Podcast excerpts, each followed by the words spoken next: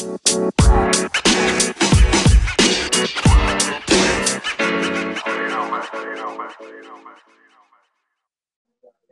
sih pengen jadi arsitek, Mas? Gue? Yep. Gue tuh seperti dari kecil tuh kayak membayangkan sebuah pekerjaan yang gue gak tahu namanya. Jadi gue suka menggambar, kemudian gue susun-susun Lego dari apa yang gue gambar. Dan gue selalu kayak mau dari mana pun, dari pergi dari luar, gue selalu ngelihat kayak kayak sesuatu yang yang enak dilihat mata gitu tuh terekam sama gue. Gitu. Sampai itu gue tuangin di gambar, baru gue gue gue susun Lego. Jadi itu kan kayak rumah tetangga gue. Iya, nah di rumah gitu ya, balik dari mana-mana gitu. Iya, dari balik mana-mana tuh gue ingat-ingat gitu. Oh bentuknya gini gini gini. Terus gue kayak sketsa. Abis itu gue bangun tuh. Dan nggak harus dari Lego sih, dari balok-balok. Gue bisa bikin kayak airport.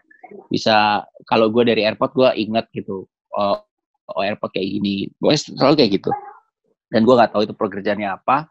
Tapi di kelas SD ketika kayak orang-orang kan dulu ya ngisi-ngisi apa sih agenda cita-cita jadi apa gue masih ikut-ikut teman gue gitu insinyur pertanian di zaman gue itu ngetop ngetop banget gitu pertanian Iya ya, dulu tuh di zamannya Pak Harto, insinyur pertanian tuh megang banget. Nah, orang-orang kayak bercita-cita untuk itu. Tapi gue pas kelas 5 SD deh gue inget gitu. Gue baru pertama kali menemukan kata arsitek di kelas 5 SD. SD. Ternyata iya dan ternyata uh, arsitek itu adalah itulah gitu ya kerjaannya. Oh, wow, oke, okay, gue akan oh. jadi kayak gini gitu. Oh, ya, itu dari umur SD mas ya. Jadi dari kecil lu udah ada uh, sudah ya. ada mindset untuk gue bakal jadi perencana gitu ya. Jadi iya, jadi kayak ngebangun-bangun ini apa-apa apa gitu. Oh, dari SD kelas 5 itu akhirnya gue nemuin kata-katanya. Tapi sebelumnya itu ya gue udah melakukan ya itu senang menyusun-nyusun balok-balok. Berarti lu udah ini ya uh, studi masa gitu ya? Asik. Asik. Sama analisa analisa site juga. Analisa site. nah, terus Mas, cerita awal mulanya terbentuk arsitek tropis, Mas. Uh, arsitek tropis itu sebenarnya kan nama akun di Instagram ya. Eh, Instagram, di Twitter. Twitter. Jadi ya, jadi itu akun yang sebenarnya um, di akun kedua gua gitu ya. Karena gua punya akun di di Twitter tuh awalnya bukan arsitek tropis jadi gue pakai nama gue Ren Katili okay. cuman waktu itu ya kurang berhasil lah ya gitu kayak follower gue nggak nambah jadi gue ya uh, kayaknya nggak ada guna deh kalau follower nggak nambah main sosial media menurut gue gitu oh, gitu. jadi gue coba untuk uh, ganti nah di, pas yang ganti itu memang kayak gimana ya supaya gampang diingat supaya juga kontennya uh, bisa dilihat dari nama akunnya aja udah ketahuan kontennya gitu-gitu. Jadi memang konseptual banget. Sehingga nama arsitek tropis itu muncul gitu karena gue backgroundnya pernah kuliah di building the tropic di Jerman. Terus arsitek ya aku pikir gak apa-apa lah aku pakai nama arsitek gitu kan. Oh, jadi semua orang tahu. Jadi emang udah udah di setting gitu dari awal lu lu arsitek dan memang lu memang ngebahas tentang tropis ya udah ya berarti yes. dari jadi awal brandingnya udah tajam gitu iya jadi udah langsung gitu dan masalahnya bukan cuma satu dua orang yang akhirnya bilang gitu bahwa eh nama lu tuh catchy banget loh gitu. Uh, even mereka bukan arsitek ya. Eh uh, jadi uh, justru dari profesi lain. Jadi kayak oh ya udah dari nama lo udah ketahuan apa ya yang udah, lo lakukan dalam hidup lo gitu. Dan kemungkinan juga dalam konten-konten lo di di akun lo ini pasti akan relate dengan itu. Dan gue menjaga banget gitu, jangan sampai gue namanya arsitek tropis bahas makanan atau bahas yang lain-lain. Jadi kayak uh, kayak ada ada apa ya uh, keyword-keyword yang kira-kira bisa akan gue bahas dalam akun itu. Itu wajib ya menjaga menjaga brand itu ya mas ya dengan dengan. Kalau kalau dulu sih sebenarnya bukan wajib menjaga brand, tapi kayak uh, gue sangat sangat tahu positioning ya uh, ketika di di sosial media itu ada financial planner, ada career coach, ada artis gitu kan, ada macam-macam lah di situ. Ada writer, hmm. ada produser. Nah, gue ngelihat gak ada arsitek pada saat itu, sehingga gue pikir ya. ini adalah posisi yang harus gue isi dalam sosial media yang masih lubangnya masih gede. Jadi datanglah gue untuk melengkapi itu. Zaman itu kan. Di zaman, itu, zaman ya. Itu. Gitu. Dan dulu udah duluan gitu. Di 2010 ingat banget tuh. 2010 ya. Yes, 10 years ago. Wah, keren. Mas, kalau gue boleh tahu, ya. lu mm -hmm. berapa sih modal awal bikin arsitek tropis?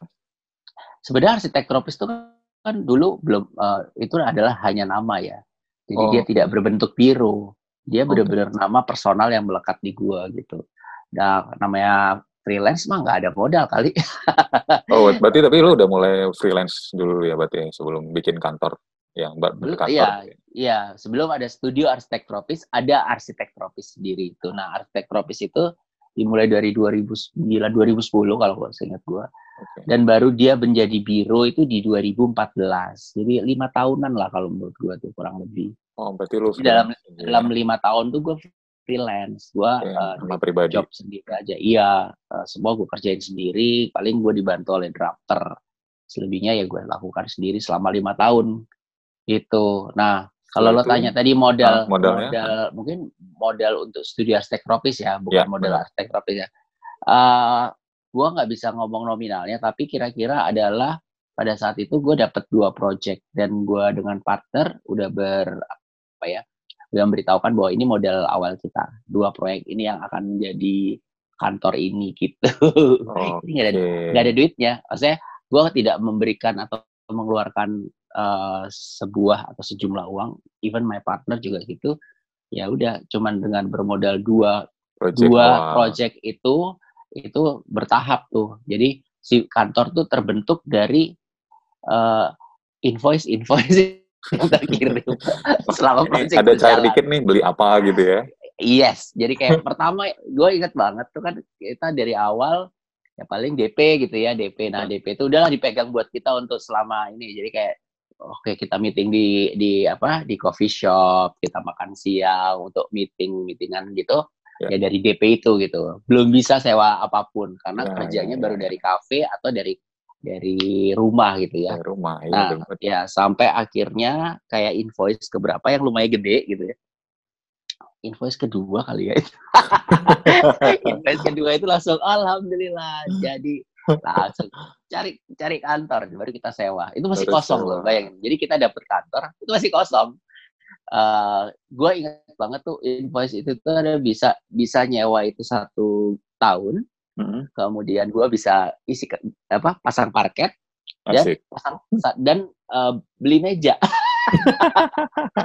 Kebutuhan mendasar sekali. Sangat mendasar. Bahkan iya pokoknya itu terben jadi masih kosong belompong nggak ada apa-apa lah. Tapi ya pelan-pelan uh, invoice berikutnya jadi apa. Terus gitu sampai di beberapa project berikutnya. Jadi memang gua apa benar-benar tumbuh ya. Bukan ya, ya, ya, bukan ya. berangkat dari dari yang kita modalnya gede-gedean tuh enggak gitu. Benar-benar awal. Sambil sambil ya, sambil di sambil di, di jalan ya sambil jalan mm -hmm. dimodalin untuk kantor gitu ya. Nah lu bagaimana tips memilih partner lu? Tiba-tiba lu kan udah punya partner tuh gue bilang dari itu oh iya iya. Jadi kan gue tuh memilih partner tuh gimana lu? Oh ini cocok nih gitu kan jadi gue tuh kan orangnya uh, dari awal kan gue freelance tuh ya. ya. lima tahun lah gue freelance jadi gue tahu banget gitu kekurangan gue selama freelance dan gue tidak mendina itu kalau gue tuh belepotan di sisi yang mana gitu kan okay. sampai sambil berjalan tuh kan gue juga uh, ngedosen ya waktu itu. Jadi pekerjaan utama gue adalah dosen, kemudian uh, pekerjaan sampingan gue adalah ars arsitek freelance. Nah selama waktu di dosen, gue menjadi dosen itu, gue gue ber, bertemu lah dengan beberapa orang ya, beberapa arsitek dan dosen juga gitu. Misalnya yang mereka juga punya kegiatan sama kayak gue ngedosen dan mungkin ada sampingannya jadi arsitek. Ya. Jadi gue ngelihat dari situ sebenarnya siapa yang akan gue pilih karena gue gak mungkin kayak milih orang lain yang gue nggak tahu. Jadi itu ya, yang ya. pertama ya. Kalau lo pilih partner, lo harus tahu dulu partner lo. Minimal lo kenal. Gue nggak yakin kayak lo baru kenal uh, dua bulan terus bisa jadi partner. Agak oh, susah ya, jangan, karena jangan. itu harus beradaptasi. Jadi butuh waktu lah. Kalau gue ya, itu kalau di gue untuk supaya benar-benar lo tahu lo harus kenal dan gue kenal orang ini tuh lima tahun lo bayangin jadi sudah hmm. teruji lah gitu. Ya. Istilahnya kalau kalau mau merit ya, lo harus tahu pasangan lo itu luar dalam. Beberapa waktu yang lalu gitu. Nah, berarti lu dari awal udah jelasin positioning dong ya, udah udah udah kelihatan dong ya posisinya lu. Misalnya lu tanggung jawabnya apa, lu apa dia apa tuh dari dari awal udah lu setting dong. Uh, waktu akhirnya itu iya. Jadi kan akhirnya kan gue tahu gue kelemahannya di mana. Ya. Dan gue harus mencari orang yang bisa mengimbangi uh, atau menutupi kelemahan gue tadi itu di bidang ya. yang tadi. Nah sehingga uh, kandidatnya udah jelas sih merujuk ke satu orang ini hmm. si Oknum lah salah. Partner gue si Pak Berto ini lah dia dia jadi ya, yang akhirnya gue ini karena dia sangat banyak membantu gue ketika proses kegiatan menjadi dosen tuh uh, gue terus terang belepotan di beberapa ya itu yang gue bilang sebenarnya gue tuh lebih susah untuk administratif itu susah banget ya, dan ya, menurut ya, ya. gue arsitek rata-rata begitu ya uh, kemampuan untuk menggambar aja. Gue kemampuan apalah segala macam. Tapi ketika udah into finance into administratif operasional dan sebagainya harusnya sih uh, bukan kemampuan arsitek lagi tapi kemampuan yang sifatnya kayak apa ya? Manajerial ya kali ya Iya, Nah, iya. itu. dan, dan itu ah, sebenarnya itu alami mas ya. Kadang-kadang ada yang memang bisa bisa, Iya, ada ada yang- yang enggak juga gitu kan. Nah, gua tuh tidak mempush diri gua untuk bisa manajerial kayak gitu. Jadi gua pikir daripada gua gua me- belajar lagi atau gua eh, mengeluarkan energi menguras energi gua ke satu bidang yang gua nggak kuasai, mendingan gua cari partner yang yang capable for that gitu. Nah, Pak Berto inilah. Berarti Berto lebih ke manajerial kantor studio, Yes, dia yang mengoperate semuanya itu. Mas Ren Ya, lebih ke Gua ke cari proyek. ya intinya kan sama aja kan ya. sama aja. Jadi sama-sama membagi memang bidang kerjaan yang yang yang menurut gue dia sangat mampu di situ dan gue sangat mampu di sini gitu. Jadi kayak ya udah kita match gitu. Kita tidak pernah crossing ke pekerjaan atau Ya, ya. kita komplain satu sama lain enggak karena kita benar-benar tanggung jawab terhadap hal kita masing-masing gitu. Jadi itu masih ber, Jadi ber- Itu ber- tips tips ke sampai ya, sekarang ya? jadi- sampai sekarang. Jadi tips gue yang kedua tadi setelah lo tahu eh, apa eh, partner lo tuh harus lo kenal. Kedua Ya. ya lo juga harus tahu kelemahan lo apa sehingga partner lo ini diharapkan untuk bisa mengimbangi atau mengisi kekurangan lo itu. ya, ya, Karena ya, menurut ya. gua akhirnya lo akan berjalan selalu berbarengan karena lo nggak mungkin meninggalkan dia dan dia tidak akan meninggalkan lo juga gitu. Karena kita sama-sama punya posisi yang penting buat biro ini gitu. Kayak punya masing-masing ini ya, apa namanya? Mm-mm. peran tugas peran lah ya, masing-masing. perannya Gitu. betul. Jadi saling membutuhkan tuh penting sih dalam biro. Karena beda kalau misalnya dalam sebuah biro partner lo bisa semuanya, lo juga bisa semuanya. Terus pertanyaan gue ngapain lo bersatu? Benar benar benar. Gue gue juga Seperti menikah aja, saling melengkapi. makanya dulu gue pernah sih berpartner di waktu baru-baru baru baru mulai buka kantor gitu. Wanjir, semangat gitu ber, berlima. Yoi. Wah, berlima dan semuanya arsitek begitu dan bikin kontrak eh lu lah yang bikin kontrak. minta. eh lu lah lu lah. Akhirnya nyari-nyari contoh kontrak tuh akhirnya blow on gitu kan. Aduh kacau deh. Ya dan akhirnya Iya. belajar sih. Akhirnya gue partner yang sekarang itu emang gue kenal dia tuh dari kuliah dulu udah sudah kenal. Ah, ah. begitu di Pekanbaru lagi. Di Pekanbaru lagi gue akhirnya ketemu dia lagi dan dua tahun dulu nih kita kerjain bareng project yang freelance mas jadi Hmm. bareng yuk yuk nanti bagi dua langsung beres gitu. Ya, bagi dua ya, langsung ya. beres gitu kan Nah, ya. gitu, wah ini kayaknya bagus nih diseriusin mungkin seperti itu sih jadi memang Mm-mm. eh, partner gue tuh dia lebih banyak ke studio ngurusin ngurusin Hmm. studio ngurusin target Mm-mm. gue lebih ke jualan ke jualan iya ke jualannya sih banyak marketingnya ya. ya Iya, networkingnya dan sebagainya itu penting juga. Karena Gitu. karena tadi kayak lu bilang tadi gue juga mengerti kelemahan gue di mana Yes, itu penting.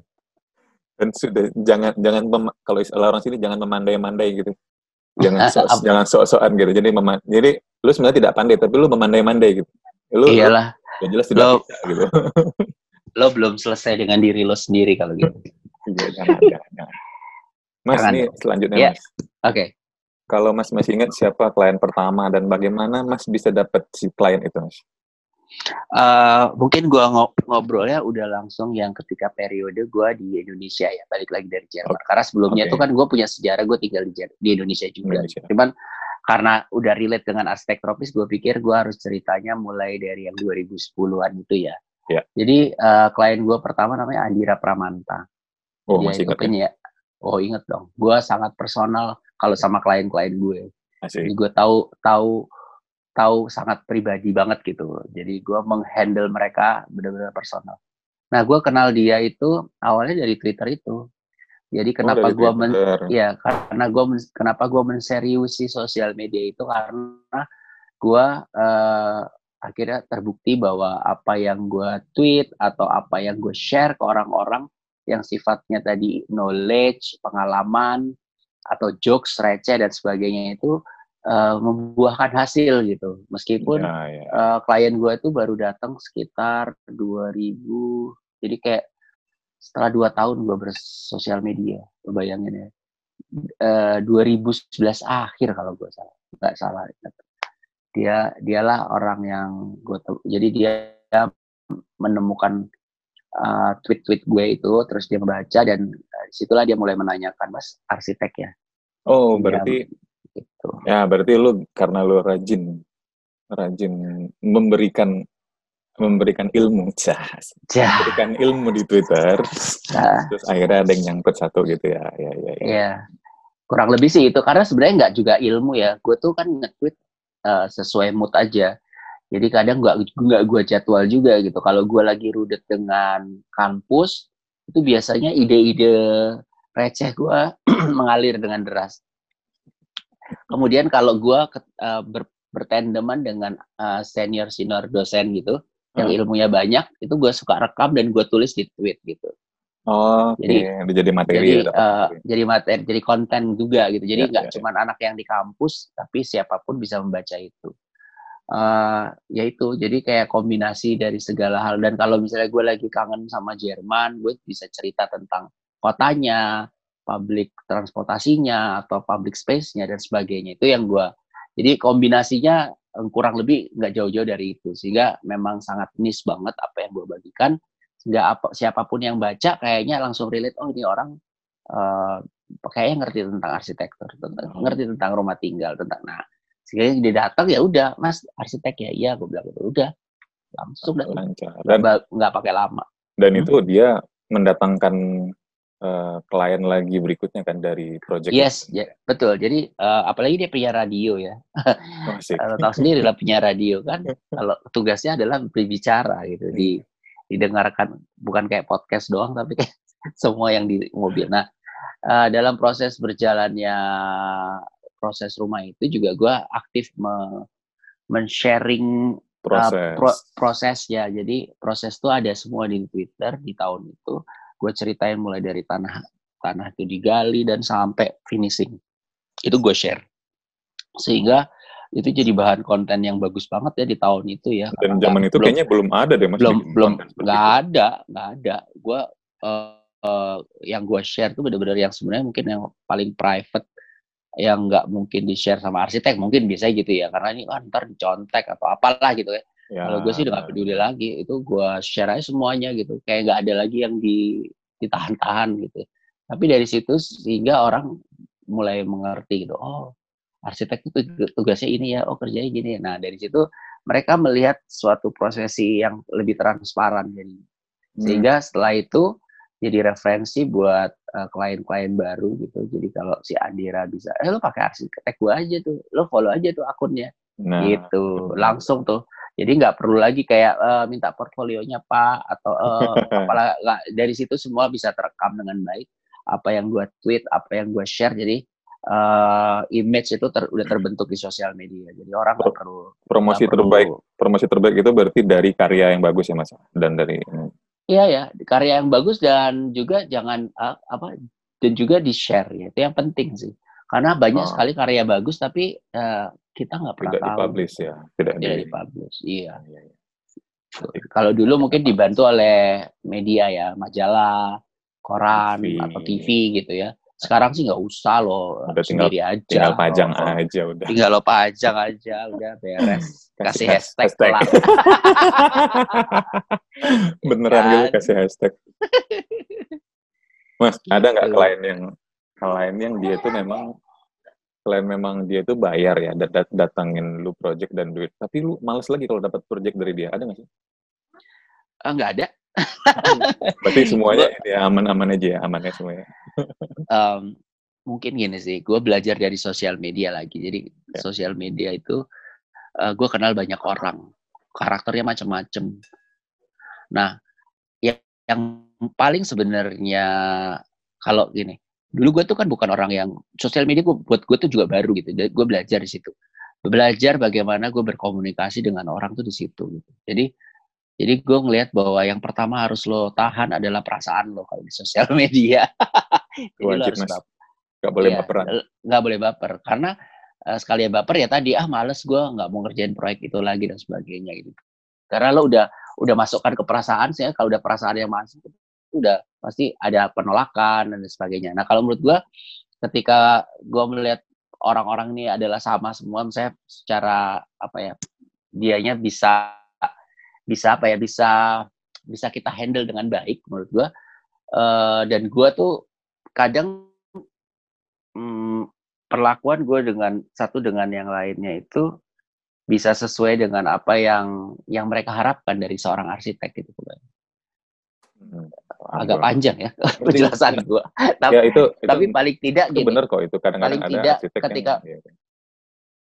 ketika lo lo default lo jadi gue sebagai Ren Katili misalnya ketemu Andira Pramanta uh, itu bisa get along gitu ya. Tapi ketika gue ketemu misalnya uh, ibu sosialita gitu berikut, itu juga bisa nyambung lagi gitu. Jadi akhirnya gue tuh seperti apa ya uh, bisa bisa menyesuaikan gitu satu sama lain tanpa harus gue menempatkan perasaan gue uh, sehingga gue tuh gak pernah baper ya.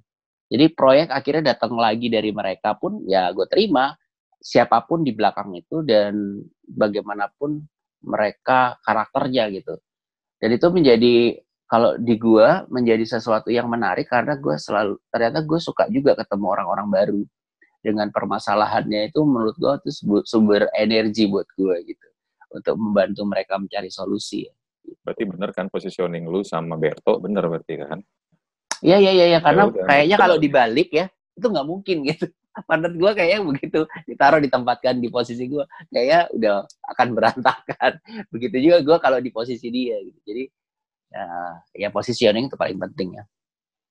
Ya gue kebayang aja sih Berto tiba-tiba harus uh, datang orang baru gitu kayaknya pasti diem-diem gitu dah. Betul. Jadi jadi kita udah udah ini lah langsung sendiri-sendiri bahwa apa yang harus gue lakukan ya harus gue lakukan. Mas ada nggak satu arsitek muda yang menurut lo nih bagus banget nih orangnya. Tidak dari hanya tidak hanya dari karya tapi dari attitude juga sih yang akan bagus. Ada nggak? Hmm, sebentar. Gue tuh uh, gak gampang hafal nama ya. Siapa ya? Arsitek muda ya? Gue tuh masih muda loh sebenarnya masih under 40 kan ya? Under 40 uh, eh, siapa ya gue tuh melihat semua orang tuh punya kelebihan dan kekurangan ya. ya. Jadi kayak menurut gue uh, agak susah untuk misalnya bilang si A ini bagus banget gitu, yang ini kurang bagus dan sebagainya. Bagus mungkin di karyanya, tapi mungkin ada juga kekurangan di bidang yang lainnya gitu. Jadi uh, um, so far gue tuh uh, agak susah ya untuk me, me, memberitahukan si A atau si B gitu. Kalau nggak jangan juga, deh, ntar jadi masalah kesejawatan lagi. Nggak, nggak juga sih, karena nggak juga gitu, karena gue juga kan nggak terlalu sering berkumpul dengan para arsitek ya, karena gue pikir gue akan jauh lebih bermanfaat ketika gue berkumpul dengan orang-orang di luar arsitektur. arsitektur betul. Ya di bidang Tujuh itu. Jadi itu. makanya gue akan, gue lebih sering berkumpul dengan orang-orang yang di, di profesi yang lain tuh, sehingga gue nggak apa ya kalau misalnya ini rata-rata ya desain sekarang udah bagus-bagus lah. Nggak ada yang nggak bagus. Gampang untuk bisa me, apa ya membuat referensi dari yang lain tuh dibangun. Jadi oh gue suka tuh. Uh, ada ada ada, ada. Uh, semiotik pernah dengar gak semiotik oh tahu tahu tahu gue tahu.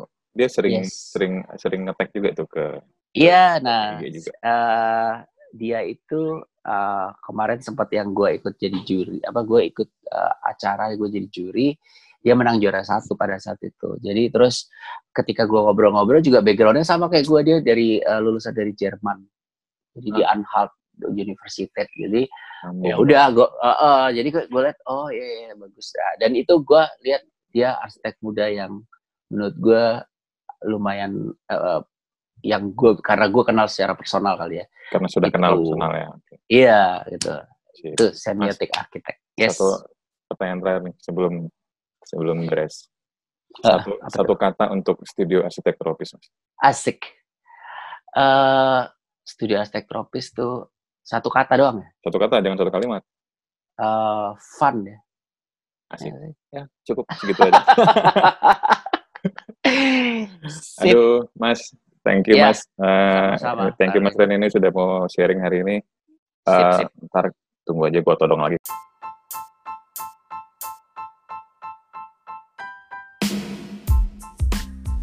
Terima kasih telah mendengarkan podcast Ata Living. See you next episode.